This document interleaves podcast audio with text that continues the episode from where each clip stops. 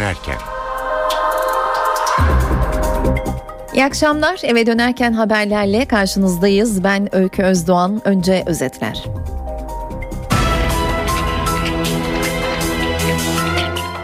Mısır'da Müslüman kardeşlerin çağrısıyla cuma namazından sonra sokaklar yine karıştı. Ordu kalabalıkların üzerine ateş açtı, ölenler var. Haberi NTV muhabiri Can Ertuna'dan alacağız. Türkiye ve Mısır karşılıklı olarak büyükelçilerini geri çağırdı. Mısır Büyükelçisi Kahire'ye dönüşünden hemen önce NTV'ye konuştu. Suriye sınırı yine karıştı. Sınırı aşan mermi yine bir vatandaşımızı yaraladı. NTV muhabiri Gökhan Gerçek, Ceylanpınar'dan son notları aktaracak. Hacı Bektaş Veli'yi anma töreni bugün yapıldı. CHP lideri Kılıçdaroğlu ve Başbakan Yardımcısı Bozdağ törendeydi. Bir vatandaş Bozdağ yumruklu saldırıda bulundu. CHP lideri saldırıyı kabul edemeyeceğini söyleyip kınadı. Başbakan Bodrum sahilinde yaptığı teftişi anlattı. Kıyılarda durum felaket, yıkıma başlıyoruz dedi. Kadın çalışanlara hamile kalmaları halinde özel kolaylıklar tanınacak. Bugün yürürlüğe giren yönetmeliğin ayrıntılarını az sonra aktaracağız.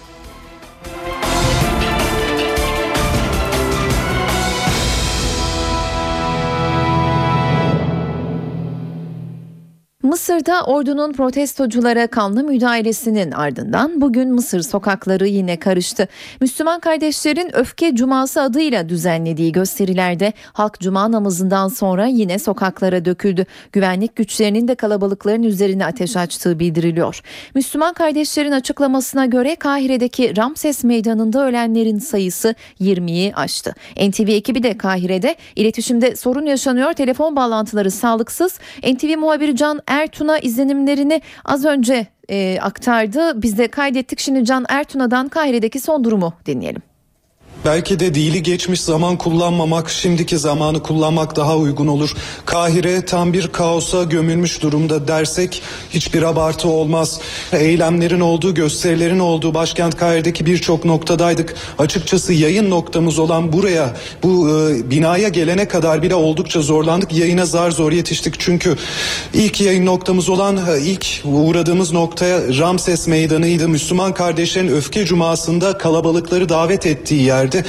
Ramses Meydanı'nda caminin hemen dışında geniş kalabalıklar cuma namazı kıldılar. Hemen ardından öfke cumasına ilişkin e, gösteri başladı. Sloganlar ağırlıklı olarak geçici yönetimin görevi bırakması yönündeydi. Sisi'nin yargılanması hatta idam edilmesi yönündeydi. Sürekli üzerimizden askeri helikopterler uçuş yapıyorlardı. Ciddi bir kontrol vardı ve Ramses Meydanı'nın hemen kıyısında bir karakol vardı.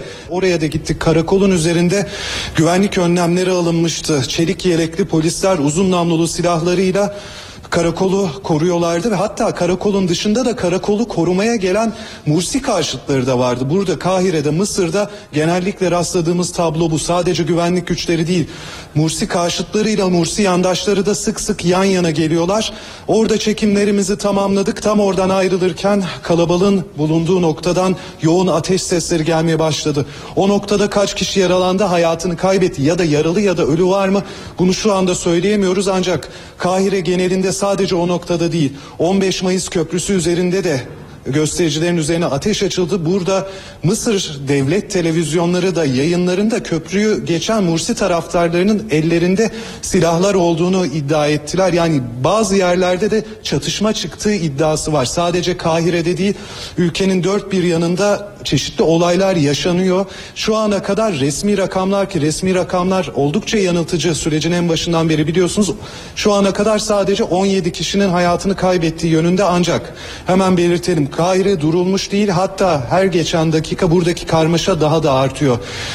Ramses Meydanı, Ramses Meydanı ile Tahrir Meydanı'nı birbirine bağlayan 15 Mayıs Köprüsü, 6 Ekim Köprüsü, sıcak olayların yaşandığı yerler. Sadece güvenlik güçleriyle Mursi taraftarları arasında değil, aynı zamanda Mursi karşıtlarıyla taraftarları arasında da gerilimler, yer yer çatışmalar çıkıyor.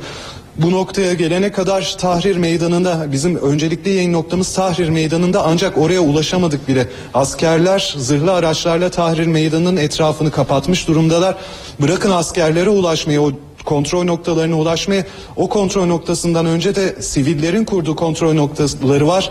Çeşitli silahlarla zaten sopalar, taşlar burada görmeye alışık olduğumuz unsurlar ancak ellerinde kimisi el yapımı izlenim veren silahlarla onlar da kimlik kontrolü e, yol kesme yapıyorlar ve şu anda bulunduğumuz noktanın her iki tarafında da polis barikatları var.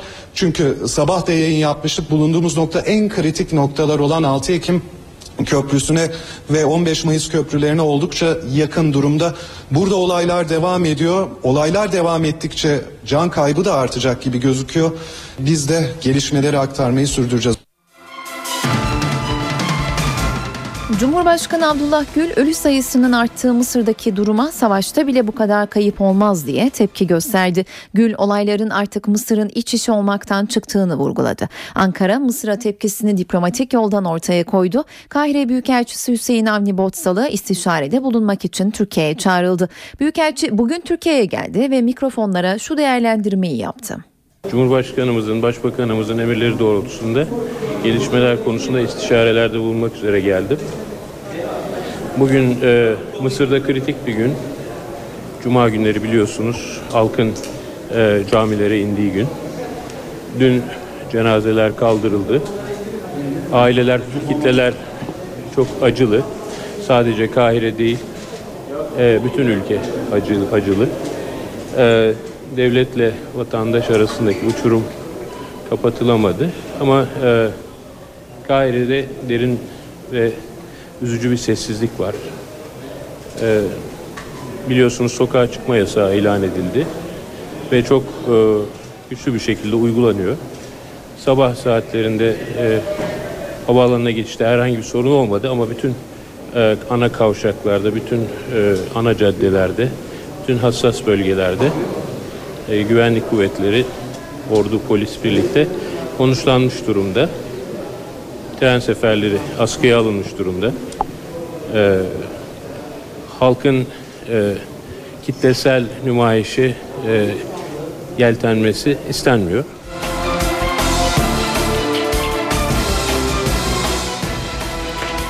Ankara Büyükelçiyi geri çağırınca Mısır'daki darbe yönetimi de aynı adımı attı. Ankara'daki Büyükelçisini geri çağırdı. Mısır'ın Ankara Büyükelçisi Kahire'ye dönmeden mesajlarını NTV aracılığıyla verdi.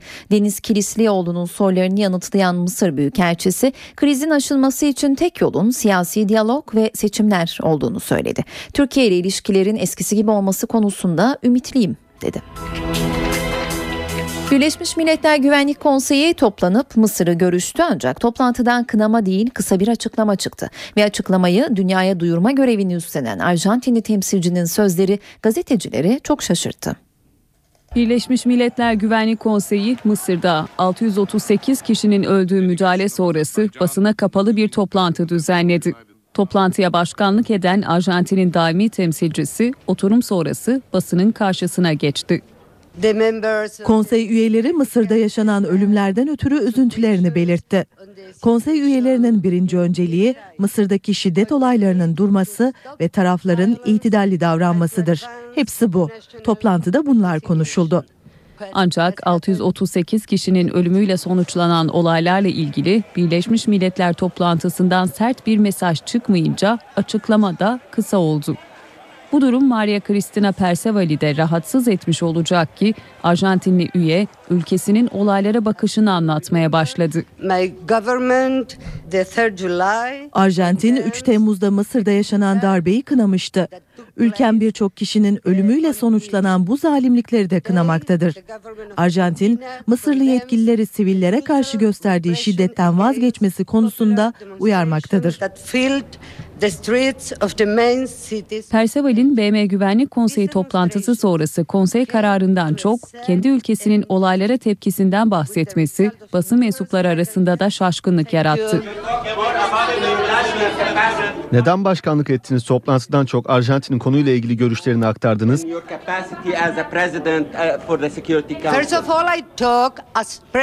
Konuşmamı ikiye böldüm. Öncelikle konsey başkanı olarak konuştum.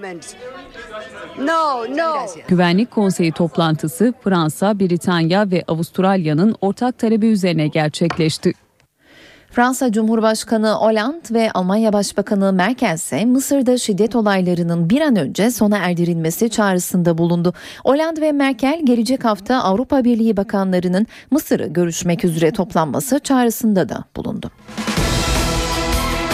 İstanbul'da protesto gösterileri vardı. Fatih Camii'nde cuma namazı sonrası bir grup Mısır'da yaşananları protesto etti. Ellerinde pankartlarla tekbir getiren grup Mısır'da hayatını kaybedenler için gıyabi cenaze namazı kıldı. Fatih Belediye Başkanı Mustafa Demir ve Başbakan Recep Tayyip Erdoğan'ın oğlu Bilal Erdoğan da cenaze namazına katıldı.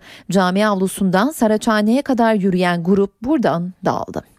Saat 18.16 ben Öykü Özdoğan eve dönerken de günün öne çıkan gelişmelerini aktarmaya devam ediyoruz. Türkiye-Suriye sınırına birkaç yüz metre mesafede bulunan Resulayn'da çatışmalar yeniden şiddetlendi. PYD ve En-Nusra arasındaki çatışmalardan seken kurşunlarla Ceylanpınar'da bir kişi daha yaralandı, durumu ciddi. Ve çatışmalar şiddetlendikçe oradan kaçan onlarca Suriyeli de Türkiye'ye sığınmaya çalışıyor. Son olarak 500 kişilik bir grup Ceylanpınar'a geldi.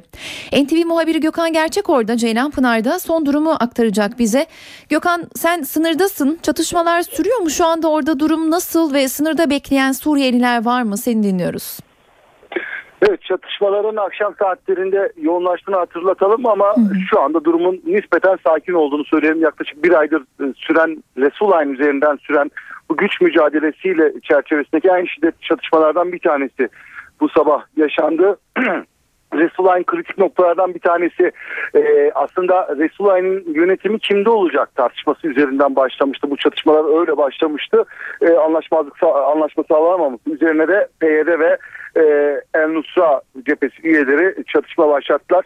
E, ağır silahlarla birbirlerine karşılık veriyorlar. E, PYD üyeleri yaklaşık 3 kilometre içerilere kadar geldi. Tel Halef bölgesine kadar ilerledi. Tel e, oldukça önemli. Tel kapı konumunda ve buraya ele geçiren güç bir anlamda Resulayn'ın da kontrolünü ele geçiriyor. Bu nedenle PYD'nin bu kapıyı ele geçirmesi üzerine tüm gücüyle saldırdı El Nusra. El Nusra kim? El Nusra El-Kaide bağlantılı aynı zamanda Özgür Suriye ordusu içerisinde de mücadele veren bir grup. Aynı zamanda e, Suriye muhalefeti içerisinde yer alıyor ve e, Esad'a karşı savaşıyor ama buradaki mücadelenin biraz daha farklı olduğunu söyleyebiliriz. E, sabah 4 sularında PYD'ye tam taarruz başlatıldı. İki de tank kullanıldı. Evet bu çatışmaların başladığı ilk günden bu yana Suriye ordusuna ait bir tank ilk kez kullanıldı. Havanlar, roketler e, ve uzun namlu silahlarla taraflar birbirlerine saldırıyorlardı ama bu kez Ernusra tanklarla saldırdı. Bizim için önemli olan Türkiye ilgilendiren bölümü tabii e, sınıra paralel bir çatışma sürüyor. Yaklaşık 3-5 kilometrelik bir alana sıkışmış durumda ve tamamen bizim paralelimize 3-5 kilometre içeride değil 3-500 metre içeride e, bu çatışmalar. Biz e, gördüğümüzü anlatıyoruz adeta duyduğumuzu değil gördüğümüzü anlatıyoruz. PYD üyelerini de Ernusra üyelerini de net olarak seçmek görmek mümkün. Bu kadar yanımızda bu kadar şiddetli çatışma olunca tabii e, halk da oldukça tedirgin çünkü kullanılan mühimmatın e, etki alanı neredeyse bizim bulunduğumuz yayın yaptığımız noktaları da kapsıyor. Ceylanpınar'ın tamamını da kapsıyor. Kanat silahı, havan, roket ve dediğim gibi tank mermileri kullanılıyor. Bu nedenle insanlar tedirgin. Sapma açıları oldukça fazla olan mühimmatlar bunlar. Bu nedenle sapabilecek bir top mermisinin ilçeye ulaşması gelmesi e, gerçekten istenmeyen olaylara sebep olacak. Bu nedenle tedirgin bir bekleyiş var. Bugün basın mensupları bir tehlike atlattı. Onu söyleyelim bir not olarak ne kadar yakınımızda bu çatışmalar sürüyor onu anlayabilmeniz için. Hı hı. Basın mensupları görüntü alırken e, PYD üyelerinin havan topuyla saldırılarını görüntülerken birkaç yüz metre mesafede seken kurşunlar onların da bulunduğu bölgeye geldi. Gerçekten büyük panik yaşandı çünkü hemen birkaç metre yanlarına isabet etti kurşun. Kendilerini yere atlar. Askeri tabirle hedef küçülterek belki de bu mermilerden korunmayı başardılar. Evet şu an için son durum sakin ama El Nusra saldırmaya devam ediyor. PYD üyeleri tarafından El Nusra'nın e, püskür sürdüğü haber geliyor bize ama söylediğimiz gibi e, Suriye ordusundan gelen tank ilginç. Bu, bu nedenle içeriden desteğinde e, sürdüğü bilgisi var. Gelen destekle birlikte El Nusra tekrar saldırır mı yoksa e, PYD ilerlemeye devam eder mi? Önümüzdeki saatlerde e, bu varsayım daha da netlik kazanacak. Peki teşekkürler Gökhan. NTV muhabiri çok teşekkürler. NTV muhabiri Gökhan Gerçek Ceylan Pınar'da sınırdaki son durumu aktardı. Suriye sınırında askerle kaçakçılar bir kez daha karşı karşıya geldi. Genelkurmay'dan yapılan açıklamaya göre dün gece Hatay Oğulpınar Hudut Karakolu bölgesinde 200 araç, 250 atlı ve 3000 yayadan oluşan bir kaçakçı grubu tespit edildi. Sınır devriye timi tarafından Arapça ve Türkçe olarak uyarıldı. Ancak kaçakçılar uyarıya rağmen sınıra 9 ayrı noktadan yaklaşmaya çalıştı. Bu sırada grup askerlere de 8 el ateş etti. Hudut devriye timi hem havaya ateş ederek hem de göz yaşartıcı bombayla müdahale etti. Müdahalenin ardından kaçakçılar saat 06 sularında dağıldı ve bölgeden uzaklaştı. Balyoz davası temiz sürecinde sona gelindi. Bireysel savunmalar tamamlandı. Yargıtay Dairesi davaya ilişkin kararını 9 Ekim'de açıklayacak. 361 sanıklı balyoz davasında aralarında eski kuvvet komutanlarının da bulunduğu sanıklar İstanbul 10. Ağır Ceza Mahkemesi tarafından hapis cezalarına çarptırılmıştı.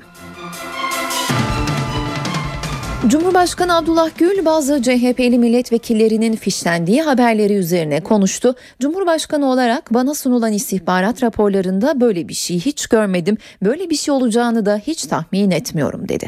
İddiaları araştırmak üzere Devlet Denetleme Kurulu'nu harekete geçirmesi çağrısına cevap veren Cumhurbaşkanı tahmin etmiyorum ama illegal faaliyetleri takip etmek devletin görevidir. Türkiye gibi hukukun, demokrasinin geçerli olduğu bir ülkede, kuralları belli olan bir ülkede bu bunlar olmaz olamaz sözlerine bugün Hacı Bektaş'tan cevap geldi. Kılıçdaroğlu yasa dışı bir devlet yasal bir olay yapar mı diye sordu. AK Parti'nin kendi derin devletini oluşturduğunu iddia etti.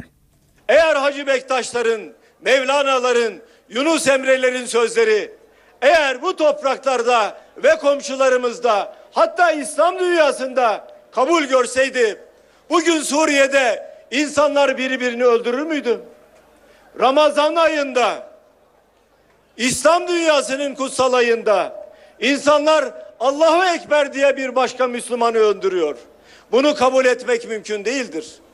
Daha birkaç gün önce Mısır'da çok sayıda Müslüman öldürüldü. Katledildi Mısır'da. Irak'ta 5 milyon çocuk babasız kaldı, yetim kaldı.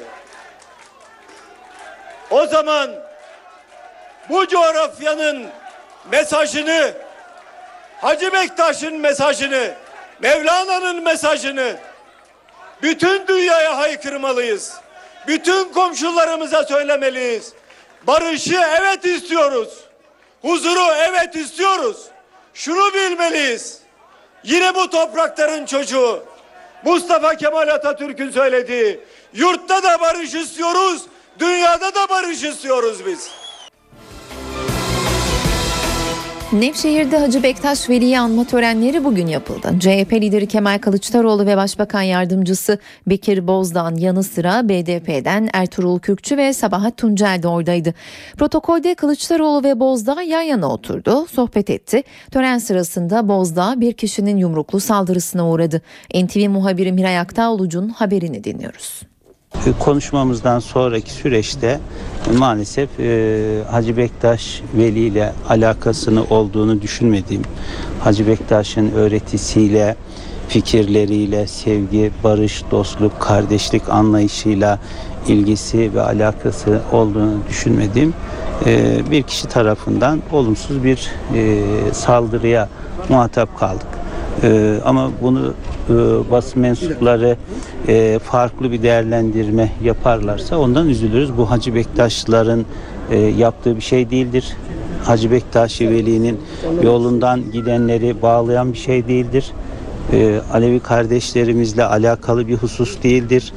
Orada bulunan bütün Hacı Bektaş Veli dostları bu yapılan saldırıdan fevkalade rahatsızlıklarını ifade ettiler üzüntülerini ifade ettiler ve herkes bundan rahatsız oldu.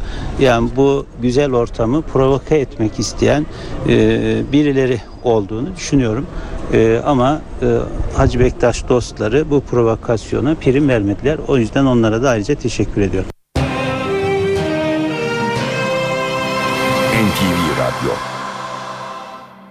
Başbakan Erdoğan tekneyle Bodrum kıyılarını gezdi. Çarpık yapılaşmayı işaret ederek yıkın talimat verdi. Şimdi sıkı denetim, cezalar ve yıkım başlayacak. Başbakan Erdoğan, Çevre ve Şehircilik Bakanı Erdoğan Bayraktar'la ekibini Bodrum'a çağırdı. Hem havadan hem denizden torba ve güvercinlik koylarını gezip tespit ettiği çarpık yapılaşmayı bürokratlara tek tek not ettirdi. Başbakan ayrıntıları Türkmenistan'a giderken gazetecilere bu kadar vicdansızlık olmaz. Yapılaşmalar denize kadar girmiş. Durum felaket. Çevre çevre diyenlerin çevre duyarlılıklarını gördük, tutanaklar tuttuk dedi. Başbakan Erdoğan tüm sahil bandında sıkı denetim başlayacağını belirtirken bu duruma izin veren belediyeleri de işaret etti. Haklarında dava açılabilir, gerekirse de görevden almalar olabilir. Cezai işlemlere, yıkımlara başlıyoruz dedi. Türkiye büyük depremi 14 yıl önce 17 Ağustos'ta yaşadı. O günden bugüne depremle yaşamayı öğrenmeye çalışıyor.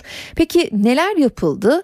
Ne tür önlemler alındı? Başbakan Yardımcısı Beşir Atalay bugün bu soruya cevap verdi. İşte Türkiye'nin depreme, daha doğrusu her türlü afete yönelik hazırlıkları. Bugün afetlere her alanda daha hazırlıklıyız. Türkiye olarak daha hazırlıklıyız. Başbakan Yardımcısı Beşir Atalay 17 Ağustos 1999 depreminden sonra geçen 14 yılda yapılanları anlattı. En önemli yenilik okul müfredatlarında. Afete hazır aile, afete hazır okul, afete hazır iş yeri ve bütün bunları yürütmek istiyoruz. Milli Eğitim Bakanlığı ile çalışmalar yürüyor son aşamada.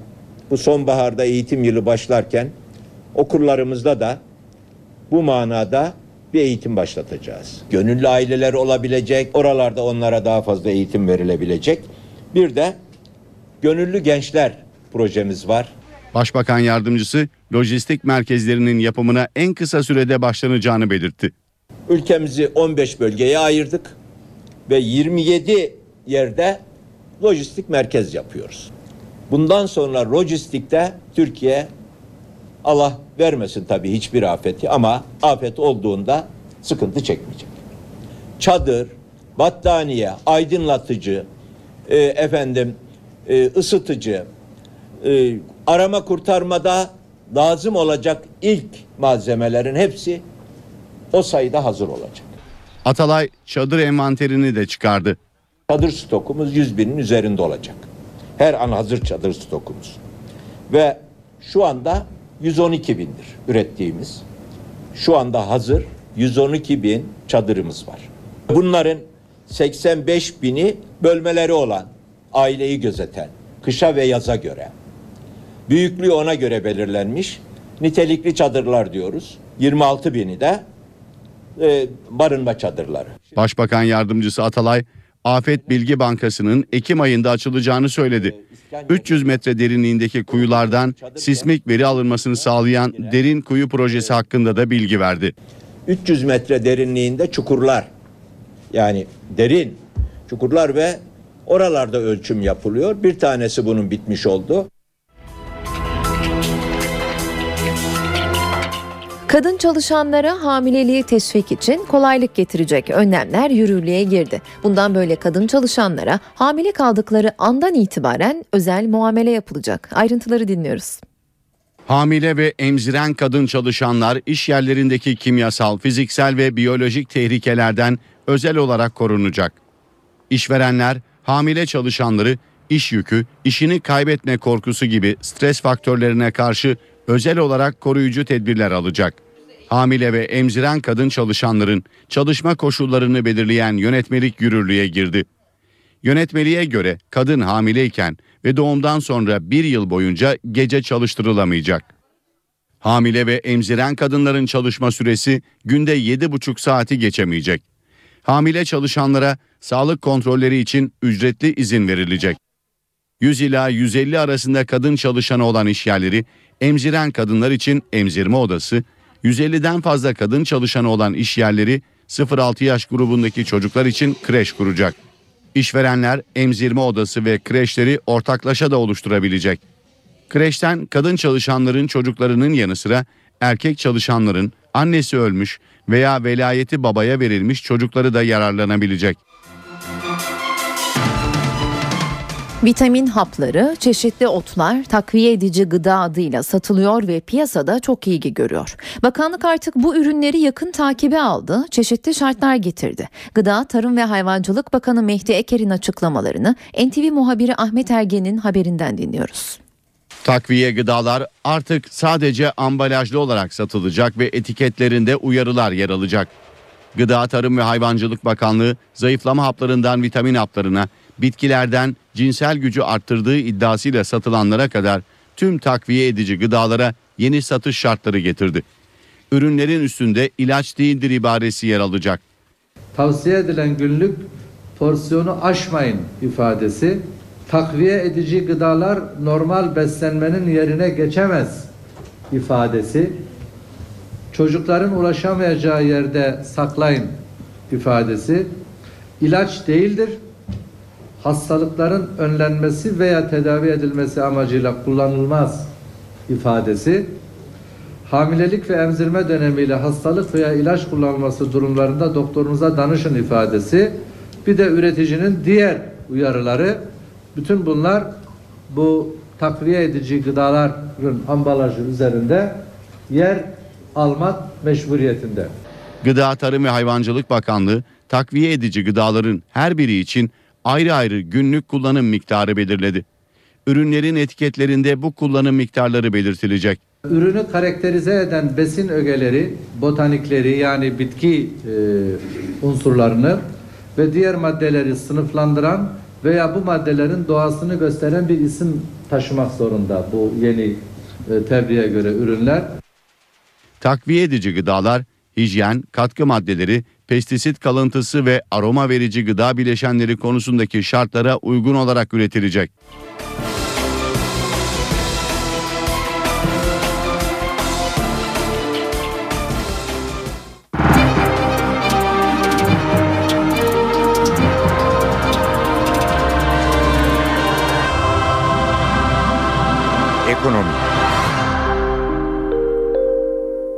Para ve sermaye piyasalarının bugünü nasıl kapattığını aktaralım. Hafta içinde 75.500 düzeyine kadar yükselen BIST 100 endeksi dünkü %2 düşüşün ardından küresel borsalardaki satış baskısına rağmen tepki alımlarıyla artıda kapandı. Endeksi endeks haftanın son işlem gününü dünkü kapanışa göre 297 puanlık artışla 74.275 puan seviyesinden kapattı. Bankalar arası piyasada dolar 1.94 euro 2.58 liradan satılıyor. Euro dolar paritesi 1.33, dolar yen paritesi 97 seviyelerinde. Uluslararası piyasalarda ise altının onsu 1364 dolardan alıcı buluyor. Çin'de artan talep ve fiyatların belli teknik seviyeleri aşmasıyla gelen alımlar altın fiyatlarını yükseltti ve 19 Haziran'da gördüğü 1351 dolar seviyesinden bu yana en yüksek değerine ulaşmış oldu altın. İstanbul Kapalı Çarşı'da da Cumhuriyet altını 598, çeyrek altın 139 liradan satıldı. Brent tipi ham petrolün varil fiyatı ise 111 dolar.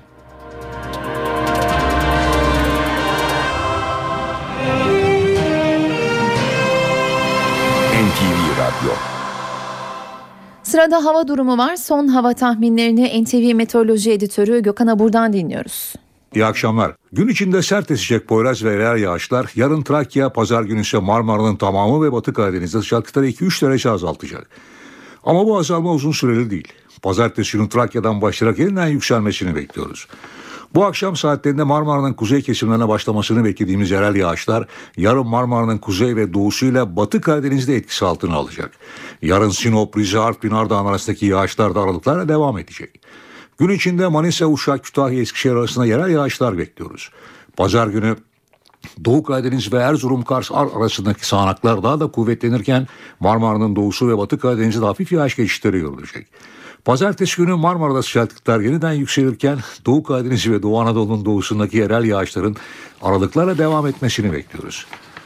İstanbul hafta sonunda oldukça nemli. Rüzgar sert esmeye devam edecek. Kentin kuzeyinde yağmur görülebilir. Sıcaklık gündüz 30, gece ise 23 derece olacak.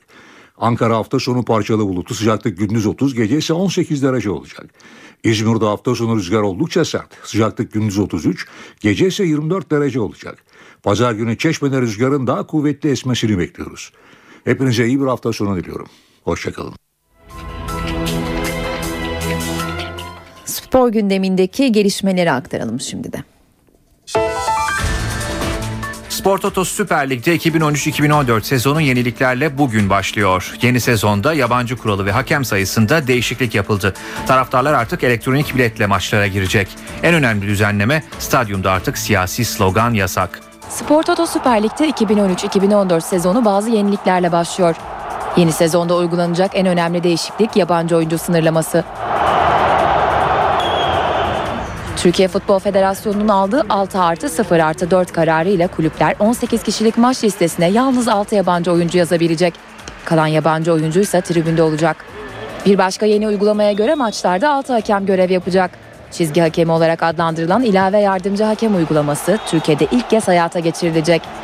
Maç boyunca iki hakem kale çizgilerini kontrol edecek ve topun çizgiyi geçip geçmediği konusunda orta hakeme yardımcı olacak. Şiddetin önlenmesiyle ilgili en önemli kararlardan olan elektronik bilet uygulaması da Beşiktaş'ta Trabzonspor maçıyla harekete geçecek. Bundan böyle taraftarlar internetten kimlik numaralarıyla e-bilet alacak. Şiddet olaylarına karışanlar bilet ve kimlik numarasından tespit edilebilecek. E-bilet projesiyle futbolda şiddet olaylarının azaltılması, kulüplerin ise gelirlerinin yükseltilmesi hedefleniyor. Galatasaray-Fenerbahçe derbisinde yapılan alkol kontrolü lig maçlarında da devam edecek. Alkollü taraftarlar statlara alınmayacak. Ayrıca müsabaka öncesi, sırası ve sonrasında başta tribünler olmak üzere spor alanı dışında veya yakın çevresinde siyasi ve ideolojik içerikli tezahüratlarda bulunanlar hakkında yasal işlem başlatılacak. Türkiye Futbol Federasyonu Başkanı Yıldırım Demirören bugün başlayacak futbol sezonu öncesi fair play çağrısında bulundu. Federasyonun internet sitesinde yayınlanan mesajında Demirören, hepimizin ortak dileği dostluğun, kardeşliğin ve fair play'in yaşandığı, kötü olayların, çirkinliklerin, sakatlıkların ve olumsuz söylemlerin ise yaşanmadığı bir sezondur dedi. Yeşil sahalarda 88 günlük ara bugün sona eriyor. 2013-2014 sezonu Medikal Park Antalya Spor'la Kayseri Erciyes Spor maçıyla başlıyor. Ligin ilk haftasında Beşiktaş'la Trabzonspor'da karşılaşacak. Spor Toto Süper Lig'de yeni sezon 3 aylık ara sonrası başlıyor. 34 haftalık maraton Antalya'da açılacak. Beşiktaş Trabzonspor maçına sahne olacak ilk haftanın programı şöyle. Bugün 21.45 Medical Park Antalya Spor Kayseri Erciyes Spor. Yarın 20 Kardemir Karabük Spor Kasımpaşa, 20 Çaykur Rizespor Gençler Birliği, 21.45 Torku Konya Spor Fenerbahçe. 18 Ağustos Pazar 20'de Eskişehir Bursa Spor ve Akisar Belediyespor Senika Boru Elazığ Spor maçları var. 21.45'te ise Beşiktaş Trabzonspor'la karşı karşıya gelecek. 19 Ağustos Pazartesi 20'de Kayseri Spor Sivas Spor'la oynanırken ilk hafta 21.45'te Galatasaray Gaziantep Spor maçıyla sona erecek. 2013-2014 sezonunun ilk derbisi 5. haftada oynanacak. Beşiktaş'la son 2 yılın şampiyonu Galatasaray Atatürk Olimpiyat Stadında karşılaşacak. Fenerbahçe ile Galatasaray arasındaki ezeli rekabetteki ilk derbi 11. haftada Kadıköy'de oynanırken 13. haftada ise Fenerbahçe Beşiktaş'ı ağırlayacak. 7. haftada Fenerbahçe Trabzonspor, 16. haftada ise Galatasaray Trabzonspor maçları var. Süper Lig'in ilk yarısı 29 Aralık'ta sona erecek. İkinci yarı 27 günlük ara sonrası 26 Ocak'ta başlayacak. Sezonsa 18 Mayıs'ta tamamlanacak. La Liga'da 2013-2014 sezonu heyecanı da bu hafta sonu başlıyor. Ronaldo ve Messi gibi yıldız oyuncular, yeni teknik direktörler ve El Clasico heyecanı ile süslenecek sezona Real Madrid ile Barcelona yine en büyük şampiyonluk adayları olarak giriyor. Bu iki ekibi Arda Turanlı Atletico Madrid'in zorlaması bekleniyor. Galatasaray'da Sporting Lisbonlu Bruma için çalışmalar hız kazandı. Yönetim Portekiz kulübüne 8,5 milyon euro teklif ederken Bruma'nın menajeri de Galatasaray'a yakın olduklarını açıkladı. Rusya'da 19 Şubat'ta çıkan eşcinsellik karşıtı yasanın yankıları şampiyonaya taşındı. İsveçli yüksek atlamacı Emma Green, eşcinsellere destek vermek ve yasayı protesto etmek için tırnaklarını gökkuşağı renklerine boyamıştı. Ancak ona tepki dünya şampiyonu Rus atlet Yelena Isinbayeva'dan geldi. Rus şampiyon İsveçli atletin hareketini Rusya ve Rus halkına saygısızlık olarak gördüğünü açıkladı. Kültür sanat etkinliklerinden öneriler var sırada. İstanbul bu akşam Placebo'yu ağırlıyor. İngiliz alternatif rock grubu Placebo, İstanbul Calling kapsamında bugün Türk hayranlarıyla bir araya gelecek. 6 Grammy ödülü, 6 stüdyo albümü sahibi 11 milyon albüm satışına imza atmış olan grup 7. stüdyo albümleri Loud Like Love'ın Avrupa turnesi kapsamında müzikseverlerin karşısında olacak. Placebo öncesinde Yeni Zelandalı karizmatik Finn Andrews liderliğindeki The Whales sahnede olacak. Time Says We Go adlı son albümlerinden şarkılar seslendirecek The Whales. Placebo konserine Park Orman ev sahipliği yapıyor. Konser kapıları saat 18'de açılıyor. Harbiye Cemil Topuzlu açık hava sahnesinde de Erol Evgin konseri olacak bu akşam. Erol Evgin unutulmaz şarkılarıyla senfoni orkestrası eşliğinde müzik severlerle bir araya gelecek. Konserin saat 21'de başladığını ekleyelim. Murat Dalkılıç da Viaport'ta bir konser veriyor. Dalkılıç sevilen şarkılarıyla saat 21'de sahnede. Göksel ise Sakarya'da hayranları için bir konser verecek. Kırkpınar Sanat Akşamları etkinlikleri kapsamında düzenlenecek konsere Kırkpınar Açık Hava Tiyatrosu ev sahipliği yapıyor. Performans saat 21.30'da başlıyor. İzmirli müzikseverlerse Leyla The Band konserini dinleyebilir bu akşam. Leyla ile Mecnun'un oyuncularından oluşan Leyla The Band saat 21.30'da hayranlarıyla buluşacak. Konser mekanı Çeşme Açık Hava Tiyatrosu. Sıla ise sevilen şarkılarıyla Altınoluk Antandros Amfiteyatro'da olacak. Sıla saat 21.30'da başlıyor konserine. Bu akşam evdeyseniz CNBC'de Bravis and Butthead izlenebilir. Yönetmenliğini Mike Judge ve Yvette Kaplan'ın yaptığı film, MTV'nin tarihinde yapımcılığını üstlendiği ikinci film. Mike Judge, Demi Moore ve Bruce Willis gibi isimlerin seslendirmesini yaptığı filmde televizyonları çalınan iki kafadarın her odada bir televizyon bulunduğu iddia edilen bir motelde karısını öldürmesi için tuttuğu kiralık katillerle buluşmayı bekleyen bir adamla tanışmaları sonrası yaşananları anlatıyor. Film saat 22'de başlıyor. Öncesinde de saat 21'de CSI New York ekranda olacak. Star TV'de de saat 20'de yabancı sinema Yedek Polisler, 22.15'te ise yerli sinema Beynel Milal ekrana gelecek.